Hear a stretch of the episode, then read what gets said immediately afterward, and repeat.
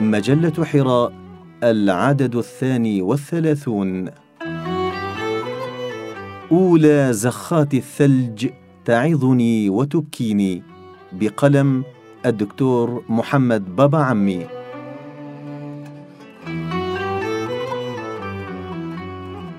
في مكتب أعالي جبال شامليشة عبر نافذتي من بعيد يغمز لي البوسفور بعيون لا زوردية. ومن فوقه جسر العبور من أوروبا إلى آسيا. يرسم أمل مستقبل للعالم الجديد. يتزحزح فيه المحور من الغرب إلى الشرق وفوق الجسر أناس. بل بشر من كل جنس ولون. يحملون آمالهم وآلامهم أحلامهم وأفكارهم. ولا يرى بعضهم من بعض سوى المظاهر والأشكال.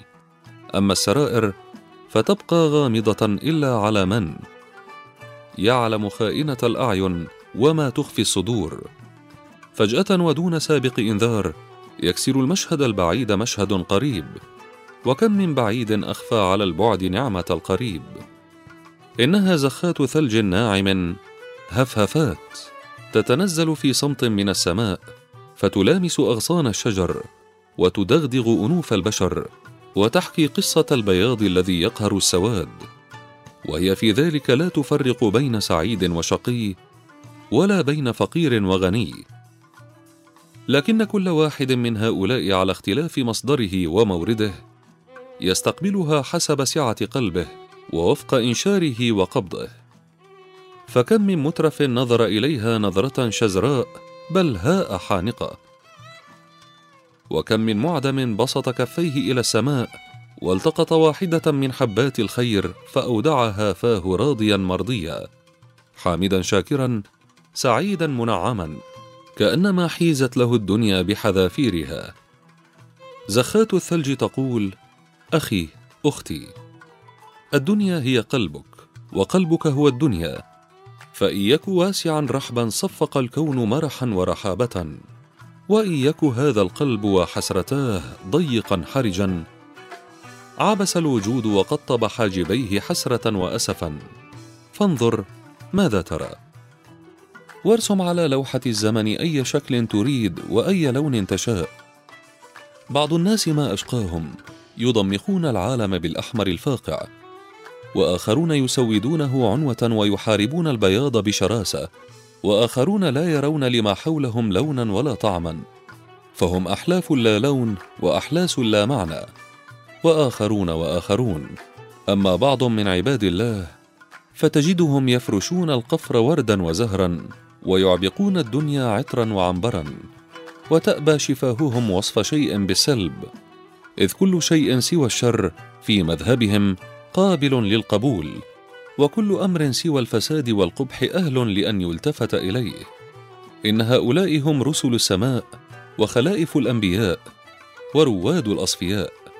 فهم الثلج الذي تتناثر حباته النورانية من السماء.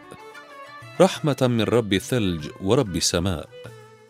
آه ما إن انتهيت من خط أولى كلمات المرتعشة في وصف أولى الزخات المتساقطة حتى افترشت الأرض بياضا ناصعا. وها هي ذي النباتات والحيوانات والحشرات تهلل وتستبشر فتعلنه حفل زفاف لهذا العام السعيد. تعلنه بالحمد والشكر والاعتراف بالنعمة للمنعم الحميد.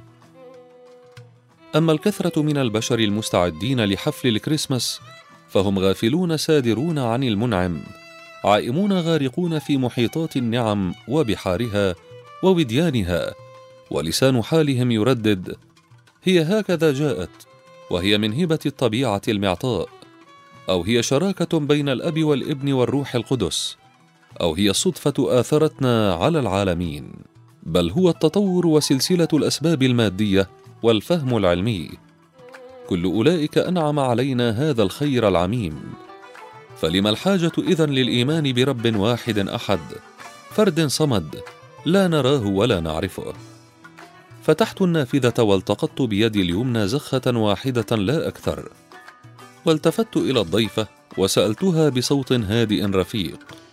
من ربك؟ من خالقك؟ من ذا الذي ألقاك من السماء؟ ومن ذا الذي اعتنى بك فهبطت من مسافات شامخة دون أن تتهشم عظامك؟ ومن أمرك بسقي نبتة أو دودة أو طفلة؟ أو حتى ملحد جاحد كفار؟ سكتت برهة وأزاحت النقاب عن وجهها الصبوح وما درت أنها قتلتني بعينيها الحوراوين الكحلوين النجلوين وبخدها المبلل بدمع سخين والمجمل بخان وحنين. قالت أهذا سؤال يسأله عاقل؟ قلت أنا من أبي إبراهيم تعلمت السؤال. ألم يسأل ربه؟ ربي أرني كيف تحيي الموتى أفلم يجبه سبحانه أولم تؤمن؟ أولم يقل بعد ذلك بلى ولكن ليطمئن قلبي. كذلك أنا. ليطمئن قلبي. ليطمئن قلبي. ليطمئن قلبي. تنهدت وسبحت واستغفرت ثم قالت نعم صدقت. إنه الله ربي وربك ورب كل شيء. فسبحانه وهو القائل. ونزلنا من السماء ماء مباركا فأنبتنا به جنات وحب الحصيد والنخل باسقات لها طلع نضيد رزقا للعباد وأحيينا به بلدة ميتا كذلك الخروج. قلت بأعلى صوتي سبحان الله ثم التفت إلى يدي فألفيتها مبللة وقد ذابت الثلجة المعلمة ولكنها تركت كلمة محفورة على راحة يدي. فقرأتها مشفقا منها باكيا. أخي لا تقف في بلدة ميتا ولكن واصل واتل قول الحق مؤمنا موقنا كذلك الخروج. اللهم نجنا يوم الحشر ويوم البعث ويوم الخروج. آمين.